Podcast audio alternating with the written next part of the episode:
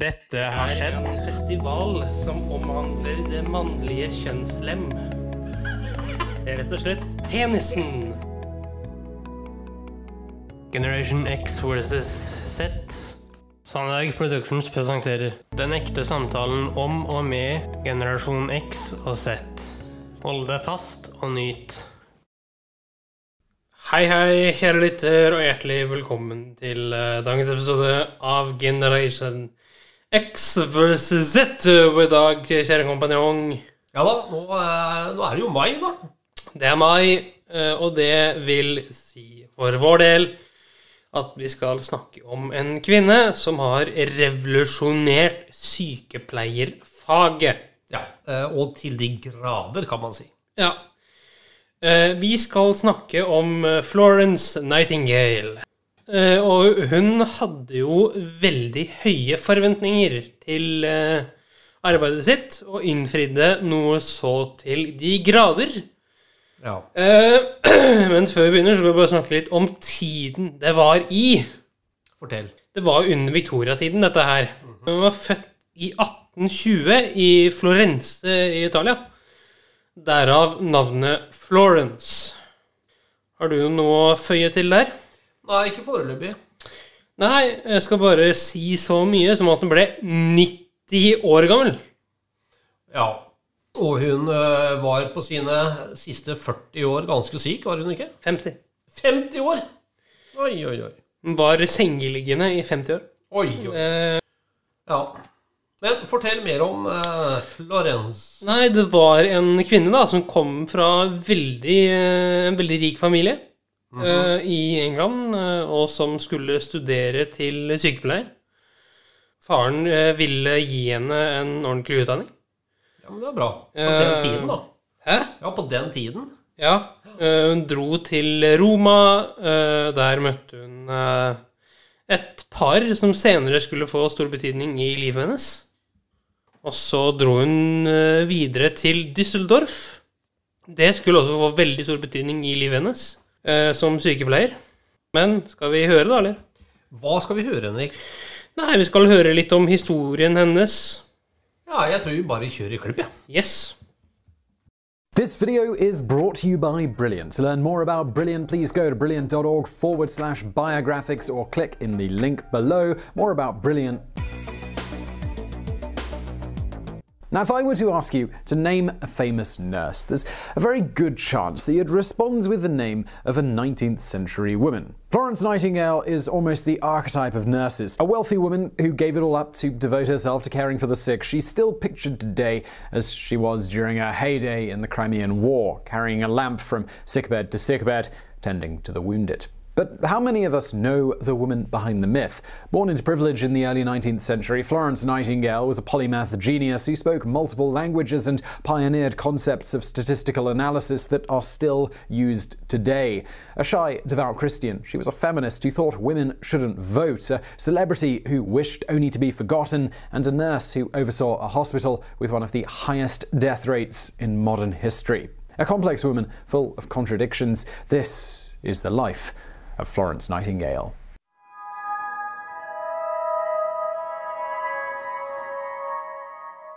What words spring to mind when you hear the name Florence Nightingale? We're guessing it's something along the lines of nurse or angel and probably lamp.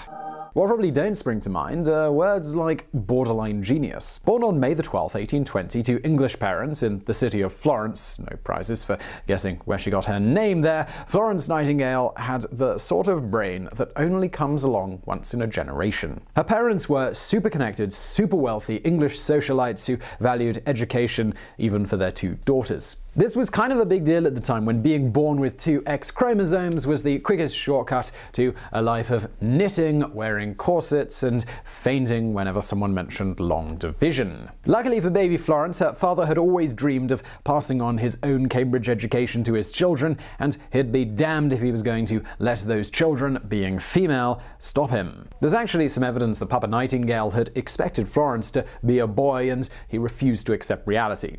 He encouraged the villagers on his estates to refer to the young girl by the male title of Squire. Regardless, Florence's early life was spent in a blitz of learning that would leave an honest student's head spinning. She mastered French, German, Greek, Italian, and Latin. She memorized works of philosophy and would debate them with her father. She also got super into maths to the extent that she begged her parents to let her go study the subject at university, but her mother said no. It was not long after that Florence she had a vision. Now, we really need to be a bit careful with the word vision here because that conjures, you know, images of Joan of Arc communicating directly with God. Florence's vision, it wasn't like that. It was more than anything a bit of a feeling and a certainty that God had given her a silent command. Still, the effect it was dramatic. On February the 5th, 1837, the 16 year old Florence declared God had told her to end suffering in the world. She interpreted this to mean that she should go into nursing. This time, her mother and her father both told her no. In those days, nursing was considered barely above prostitution. The idea that an upper middle class girl could go into the profession was so radical that even Florence's liberal father refused to consider it. But if mum and dad thought that they could keep Florence from her calling, well, they had another thing coming. Over the next 13 years, Florence tried again and again to change her parents' minds. In 1844, Florence tried and failed to convince her parents to send her for nurse training in Salisbury. In 1849, she even ditched a long term suitor, Richard Monckton Milnes, so that she could focus on her non existent career. By the way, a random aside here, it later transpired that this suitor was heavily into sadomasochism, so maybe she kind of dodged a bullet there, maybe. But Florence was persistent, and she kept working away at her parents all the way through her teenage years, right into womanhood. By the time 1850 rolled around, she was 30 and her father was utterly worn down. That July, her parents gave her permission to travel to Germany for a two week training course at a nursing hospital. Perhaps they thought that being up close with all that disease would put her off a life of nursing. But, well, that didn't happen. The next year, Florence returned for another course, this one lasting three months. By 1853, Florence's dream had finally been realized. Using her family connections, she got a job at a hospital for distressed gentlewomen on Harley Street in London. It wasn't hugely taxing, but it was definitely nursing. Finally, Florence Nightingale had made it. Well, it was just the warm up act. Florence Nightingale didn't know it yet, but she was about to get sucked into one of the bloodiest conflicts in European history.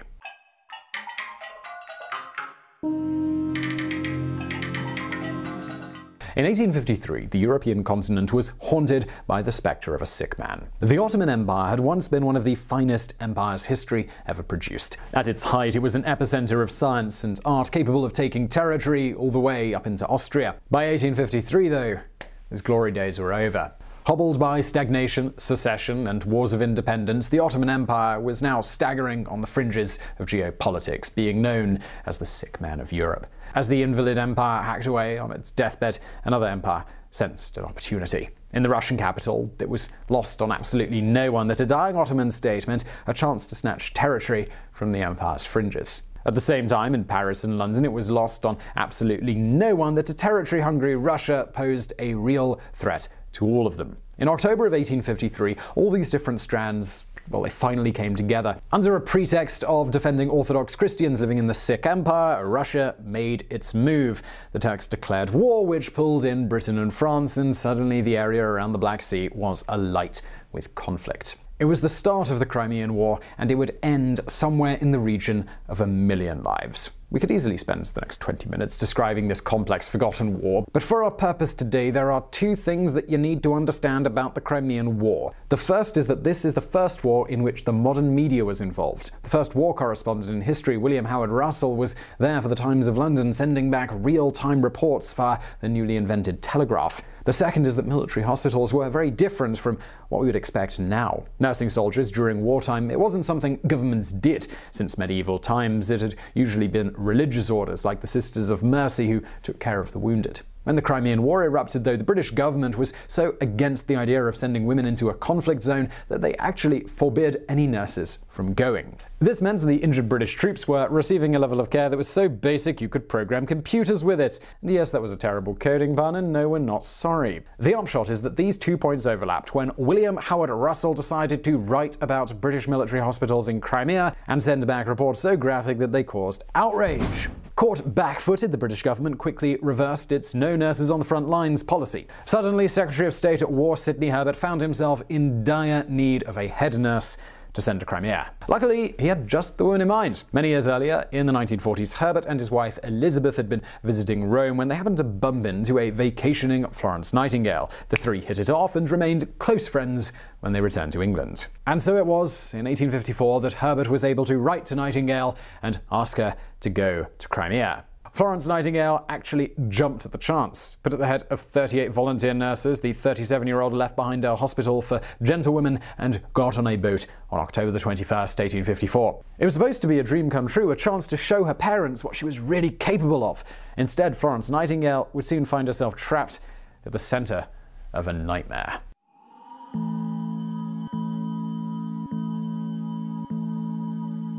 On November 5, 1854, Florence Nightingale and a corps of nurses arrived at the British military hospital of Scutari, today a suburb of Istanbul. What they found there was something that would haunt them for the rest of their lives. The hospital was built atop a sewer which had flooded long ago, and no one had bothered to plug it. When injured men walked into the toilets, they had to pass barefoot through a layer of ankle deep feces. There were rodents running amok, men lying in filthy bedclothes that hadn't been changed for weeks on end. There was rotting meat lying around from where patients were supposed to cook their meals. There were people with unwashed, gangrenous wounds. This place was a human cesspit, a place where pestilence and disease roamed the hallways, trailing death in their wake. The shock was so great that for the first few days it was all Florence Nightingale could do to keep functioning. The military brass made it clear that after she landed, they didn't want her rocking their stinky, disease ridden boat, so she tried not to. She really did. This became tricky, though, after November the 10th. On that day, the British wounded of two major battles arrived in Scutari. The hospital, already in dire need of supplies,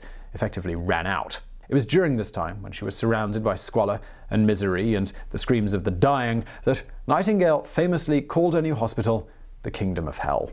But the experience, it gave her the kick up the rear that she needed to keep moving. Remember how we said that Florence Nightingale was super into math as a teenager? Well, she started crunching the numbers for the hospital. To her amazement, she discovered that war injuries had killed around 4,000 people in the hospital that year. Sickness, on the other hand, had killed 19,000. This wasn't a hospital. This was a charnel house. Soldiers were coming in with treatable injuries, and they were leaving in coffins. Faced with an army determined to keep doing things the old way, Nightingale had no choice but to start trying to save those soldiers herself. This is the part where we get to the legendary image of Florence Nightingale, the nurse walking the wards after dark, armed only with her lamp, offering succor to the dying. Certainly, this happened. Nightingale's nighttime visits became a fixture of the wounded men's lives. But really, this romanticized image is just a sideshow. The important stuff, it was happening behind closed doors. In meetings with army officers, Nightingale insisted on basic standards of cleanliness at Scutari, including regular bathing of patients and changing of bandages on wounds. At the same time, she campaigned for the open sewer flooding to the lower floors to be repaired, something we're having trouble believing that she actually needed to campaign for at all. Of course, cleanliness and closing sewers, it doesn't make good copy, so the newspapers that wrote about the lady with the lamp focused more on her bedside manner. These were the tales of Florence Nightingale helping the wounded write letters home, of the nighttime visits that she made to keep the men's spirits up. Incidentally, the reason Nightingale was the only one to visit the wards at night was because the other nurses were forbidden from doing so. Nightingale thought they would have sex with the male patients, so banned everyone else from roaming around after dark. It's just a random historical fact that we really couldn't fit anywhere else. Before long, the men of Scutari had grown to love their ministering angel, and the British public had grown to love her too. That's right, Nightingale became a celebrity. The tales of her selfless good work were exactly the sort of tales that Britain needed from a war that had produced no heroes. This reached its apex on February the 24th, 1855. That day, a London newspaper published an engraving of Nightingale with her lamp. Overnight, this random nurse working in a British military hospital became more than just a woman. She became a symbol. The days of Florence Nightingale, the human, they were over, and the days of Florence Nightingale, the lady with the lamp, had arrived. Now, just before we get into the myths and legends that surround Florence Nightingale, I do want to take a moment to tell you about today's sponsor, Brilliant. Brilliant are a science and learning platform that allow you to learn through active learning, which summed up is basically the opposite of that feeling, you know, where you read a really long, complicated paragraph in a textbook and you just read it again and again and you don't really get it because you don't have to do anything with that knowledge. It's just not the best way to learn. And Brilliant don't just cover the basics, although they do cover those as well. They go through complicated things, even as far as complex statistics. So Nightingale would have liked that one. Now, you've heard me talk a bunch about Brilliant if you're a regular viewer, and I think you know that I think it's a perfect fit for this channel because, well, you're watching a 20 minute educational video on YouTube, so you're probably into learning, and I think Brilliant is a great way for you to expand on that. Recently, Brilliant made an important update to their mobile app so that courses can now be accessed offline, so you don't have to worry about having a solid internet connection to learn things through their platform. So maybe you could spend your commute jumping onto Brilliant and learning something. Brilliant makes even complex concepts easy to understand. They give you something super short to read, it's easy, and then you immediately apply it to the problem. And just rinse and repeat that, and suddenly you're understanding all sorts of stuff that you didn't think you would be. All courses are very interactive, so you can learn probability by playing a game of blackjack or learn the physics of motion using interactive models of pendulum clocks. So, if you want to support Biographics, which would be great, and get unlimited access to all of Brilliant's in depth maths and science courses, you can head over to brilliant.org forward slash biographics and get 20% off that annual premium subscription. And let's get back to the lady with the lamp, shall we?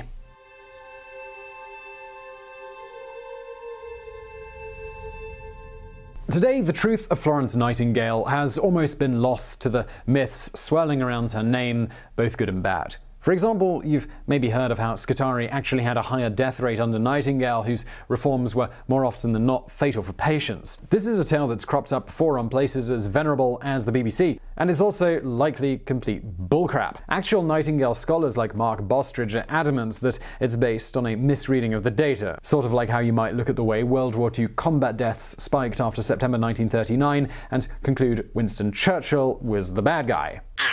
Yeah, deaths at Scutari jumped under Nightingale, but that's because she arrived just as supplies ran out and the hospital exceeded capacity. Now, that's not all to say that the lady with the lamp was always a saint, though. The same time Nightingale was at Scutari around 1855, a British commission looking into sanitation proposed similar hospital reforms to hers. To this day, something Nightingale essentially stole their ideas and passed them off as her own. Then there's the issue of Mary Seacole. A half Jamaican doctoress who used herbal remedies, Seacole travelled to the Crimea under her own steam and set up a hospital on the peninsula to treat sickened officers. She and Nightingale were aware of one another and didn't like each other very much. There's some evidence Nightingale may have refused to let Seacole join her nursing corps due to her race. On the other hand, suggestions that Nightingale took credit for Seacole's innovations don't seem to have much grounds in historical sources. Come 1855, though, Nightingale was a hero of the British Empire. Back in London, a fund had been set up in her name that would eventually raise £45,000, the equivalent to a really giant pile of money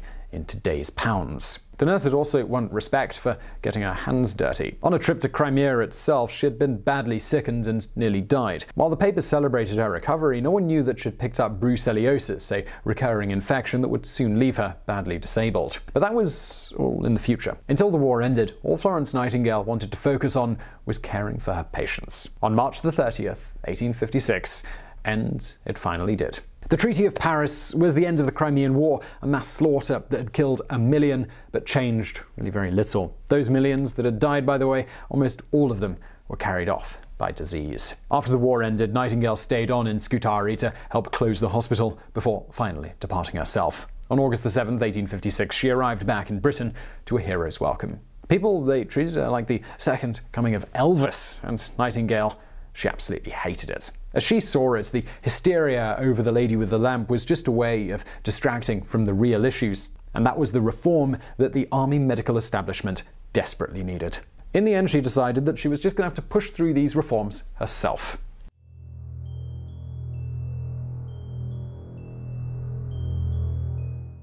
In the mid 19th century, if you got sick, there was only one explanation miasma. Miasma theory is one of those things you sometimes hear about in history, and they sound so screwy, you almost can't believe people actually thought it was real. Basically, people thought that diseases were caused by bad smells. The cholera you might contract from raw sewage, that wasn't because of germs, but because of the smell of poo. Not long before the Crimean War, miasma theory had become so widely accepted that the British government actually approved a plan to drain sewage into drinking water because that would be less harmful than letting it pong on the surface. By the time Florence Nightingale came along, miasma wasn't the only theory in town. Many medical professionals were sounding alarm bells that maybe this new germ theory was where it was at. But miasma was still the theory British politicians and army medical brass believed. But Florence Nightingale was about to explode all of that about as effectively as a stack of dynamite.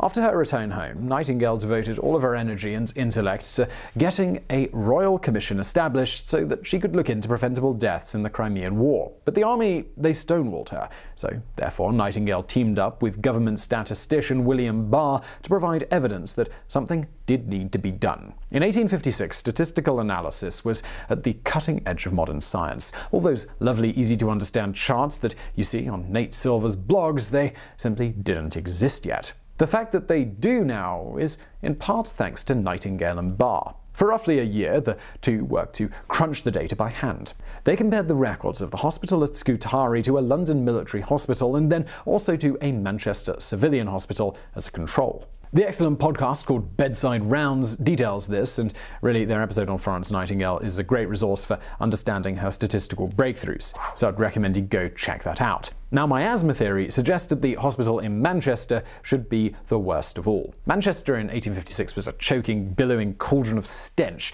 It was everything that miasma believers feared.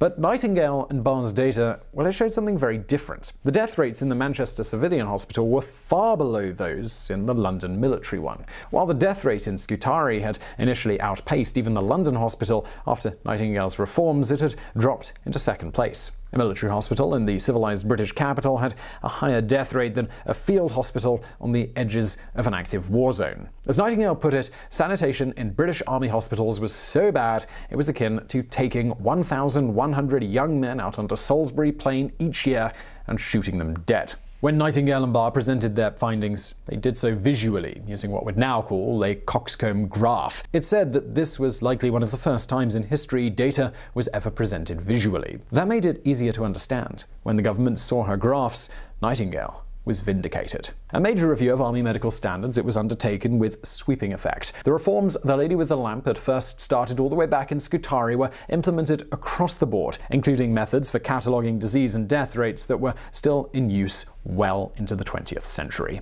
By the time the British Army intervened in China's bloody Taiping Rebellion in the early 1860s, Florence Nightingale's recommendations had so taken root that the death rate for soldiers from disease was 90% lower than it had been in the Crimean War. For Nightingale, this was a major triumph. The last half decade of her life had been consumed with forcing army medical culture to change, and now here she was, directing those changes. But there would be no time for celebration. In 1857, Nightingale suffered her first collapse due to the brucellosis infection that she'd picked up in Crimea. In no time at all, the disease had emaciated her. She lost all her hair, she lost weight, she became effectively bedridden, often suffering pain so acute that she was unable to work. For the rest of her life, Britain's most famous nurse would live in agony.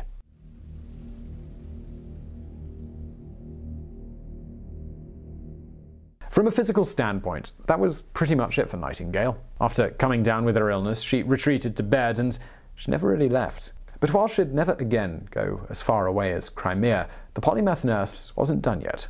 In fact, she was just getting started. Confined to her bed, Nightingale started writing letters, hundreds of them, thousands of them, campaigning letters going out to all corners of the country, outlining the need for major medical reforms. And that's not all she did. Remember how people in Britain raised £45,000 for her while she was in Scutari? Well, Nightingale took that money and used it to fund a secular nursing school, St Thomas's Hospital, in London. The Nightingale School wasn't the first nursing school in Britain, but it was the first that fulfilled three strict criteria. One, it was secular. Two, it developed its program in line with scientific advances. And three, it treated nursing as a career. No longer would nursing be something for nuns and the lower classes. Nightingale wanted to make nursing a legitimate profession. You can see she succeeded just by looking around you today. Nowadays, those who see nursing as synonymous with prostitution are strictly stupid, horny men with a tragic thing for uniforms. But this is where it all started. Nightingale School was the first to give nurses good pay, sick leave, and annual vacation. Perhaps most importantly, though, the school encouraged nurses to travel, to set up schools in other countries, and to pass the message on. Within a few years, Nightingale nurses had fanned out across the British Isles. A few years after that, they were establishing schools in America. A few years after that, they were even setting up hospitals in Japan. As they went, the Nightingale nurses took some core tenets with them. Nurses should be separate doctors, rather than merely subordinate. They should enforce cleanliness and the washing of wounds, and healthcare should be available for everyone. If you live in a nation with universal healthcare, it may well be in part thanks to Florence Nightingale. From her bed, the great medical reformer tirelessly advocated for equal treatment of the poor by nurses and doctors. It's this belief that eventually evolved into Britain's modern NHS. Of course, there was more to Nightingale's last years than just medicine. She became the first female fellow of the Royal Statistical Society. She advocated for minority rights across the British Empire. She also wrote one of the key texts of 19th century feminism, Cassandra, a book detailing how intelligent women are often ignored by less intelligent men, which unfortunately still seems pretty relevant. But perhaps the most interesting thing about Florence Nightingale's later life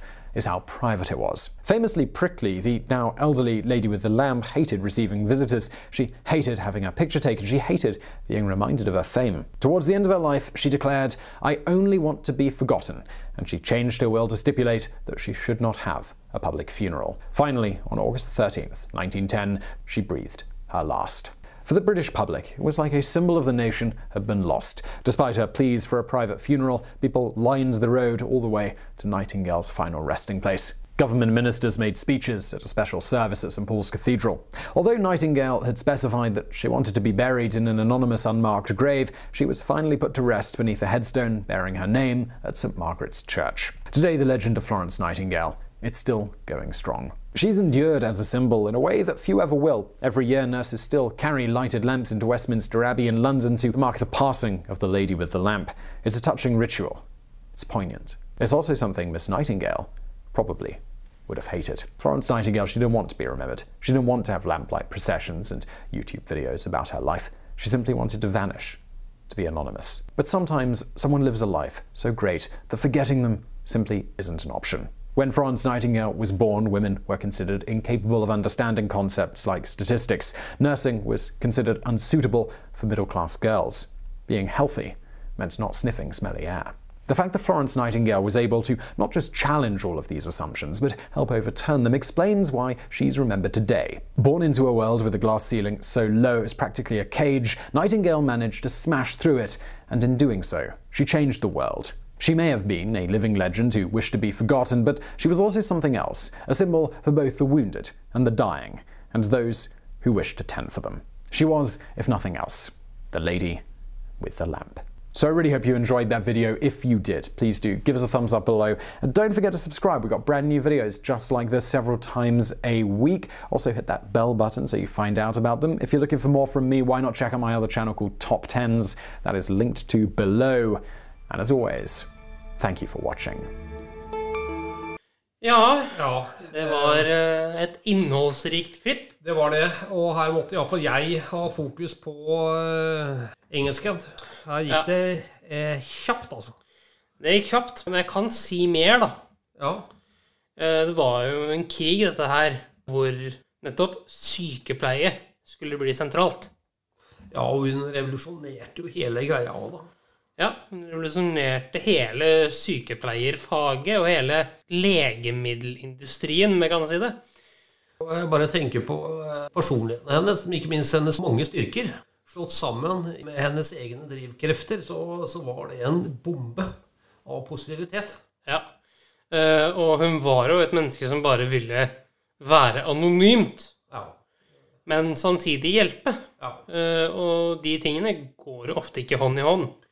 Nei, og det er fantastisk. Ja. Eh, Det fins også klipp der ute av stemmen hennes. Ja, har du den eh, her og nå, eller? Ja, jeg kan finne det fram. Ja, kan du det? Bare for å høre lyden av henne? Ja, det får vi til. Yes.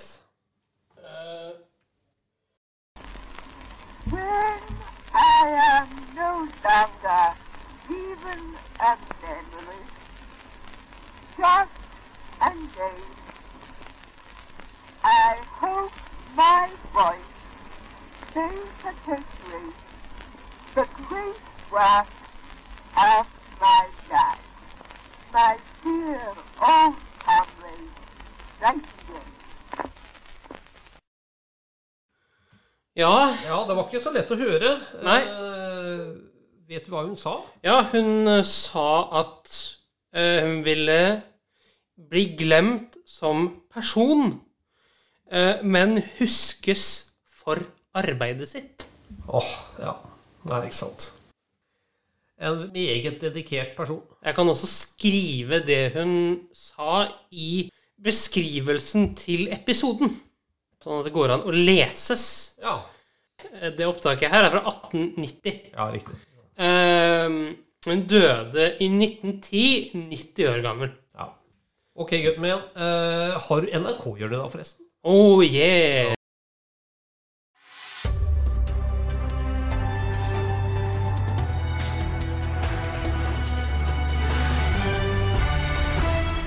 NRK-hjørnet.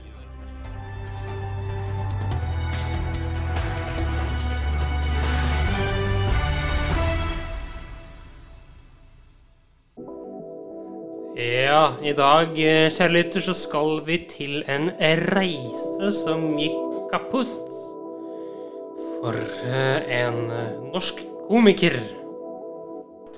Skulle på en jobb i, i helgen. eh, Skulle til Bergen, så jeg fikk eh, bare sånn Hvordan vil du reise? Så tenkte jeg sånn Vet du hva, jeg orker ikke å stresse opp lørdag morgen. eh, Komme meg til Gardermoen, stå i kø for mun- Helvete, blablabla. Så jeg bare tar nattoget natt til lørdag. Ja! Redde miljøet, sove på toget. Jeg går og legger meg, våkner opp, boom! Er framme. Beste som finnes i hele verden. Jeg bor på Løkka. Jeg tenker jeg skal dra hjemmefra i 11-tiden. Da rekker jeg litt før 11. Da rekker jeg å være der halv tolv, som da toget mitt går. Så jeg går ned. Eh, Markveien. Der har jo disse, eh, beklager uttrykket, jævla hippiene erobra hele gata og lenka seg fast i ting. Det var altså sperra av med politisperringer overalt. Det var politi overalt som sto og var dritsinna med våpen. Så tenker jeg faen, jævla miljøet, ass. Ok, Men jeg skal redde miljøet. Jeg skal fucking redde miljøet, så jeg skal jo ta det toget. så jeg må gå rundt halve byen for å komme meg hit og begynne å beine og svette og jævlig. Så kommer jeg fram, og så går jeg inn på toget. Kupeen er altså en halv ganger en halv meter. Du kan så vidt stå der inne. Det er så lite. Det er så fengselsceller. Men jeg tenker det går helt, helt fint. Fordi du redder miljøet. Det redder miljøet. Det redder fucking miljøet. Eh, Jeg legger meg der, slår av lysene i kupeen min, eh, og bare ligger der, drikker en øl i mørket og ser bare Sånn lys går forbi. Jeg bare, Dette her er det mest idylliske jeg har vært med på. Ja, miljøet. Miljø. Ah. Miljø. Legger meg ned og tenker nå skal jeg bli vugga i søvn. For idyllisk å redde miljøet. Miljø. Så langt. Miljø. Miljøet ass. Ja. Det tar to timer, og så kjennes det ut som en sånn alkis som står og vugger barnet sitt. Som står Det er det første. Og så blir det altfor varmt der inne, så jeg må åpne jævla vinduet. Mm. Og da, blir det, da blåser jo bare alt i kupeen rundt og rundt og rundt, så jeg må drive og sette sammen alt. Og så, som en sånn tank der Ja, ja, ja. har penger. og jeg blir kasta rundt, og det er kaldt, og det bråker, og jeg får vondt i hodet. Plutselig, klokka fire på natta, så stopper det, og så står det han og tuter i seriøst ti minutter. Dad, dad, I ti minutter. Og så begynner han å kjøre igjen, men da må han ta igjen den tiden han har glippa av å sitte der. Så han går full fucking gass, og det rister jo ti ganger faen meg mer. Og jeg kommer fram til Bergen, altså Jeg er så blå under øya og rød på øya at jeg trodde jeg skulle dø. Og jeg tenker, vet du hva? Fuck miljøet! Fuck MDG og fuck miljøet, vil jeg bare si. Har dere omstilt dere noe som helst uh, i de siste årene? For miljøet? Ja? Jeg har tatt nattog. Jeg, jeg bodde i Trondheim, og jeg hadde flyskrekk som ga meg her borte. Nattog, ja. Sist jeg tok eh, nattog, det er mange år siden. Det er 15 år siden, det. Da jeg skulle på Fra eh, Gelender til Mumbai. Hei! Du satt, du satt bokstavelig talt på toget. Som inderne. Nei, det var det var jævlig utslags, bro. Jeg fikk så jævlig blæsta i ryggen da, og så holdt jeg fast i fire timer.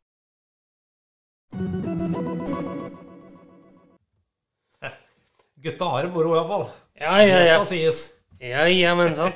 Herlig. Henrik, eh, sier nok tusen takk for å ha pod sammen med deg. Det er en stor, stor fornøyelse. Jo, bare hyggelig. Tusen takk, og ha det godt så lenge. Ha det godt.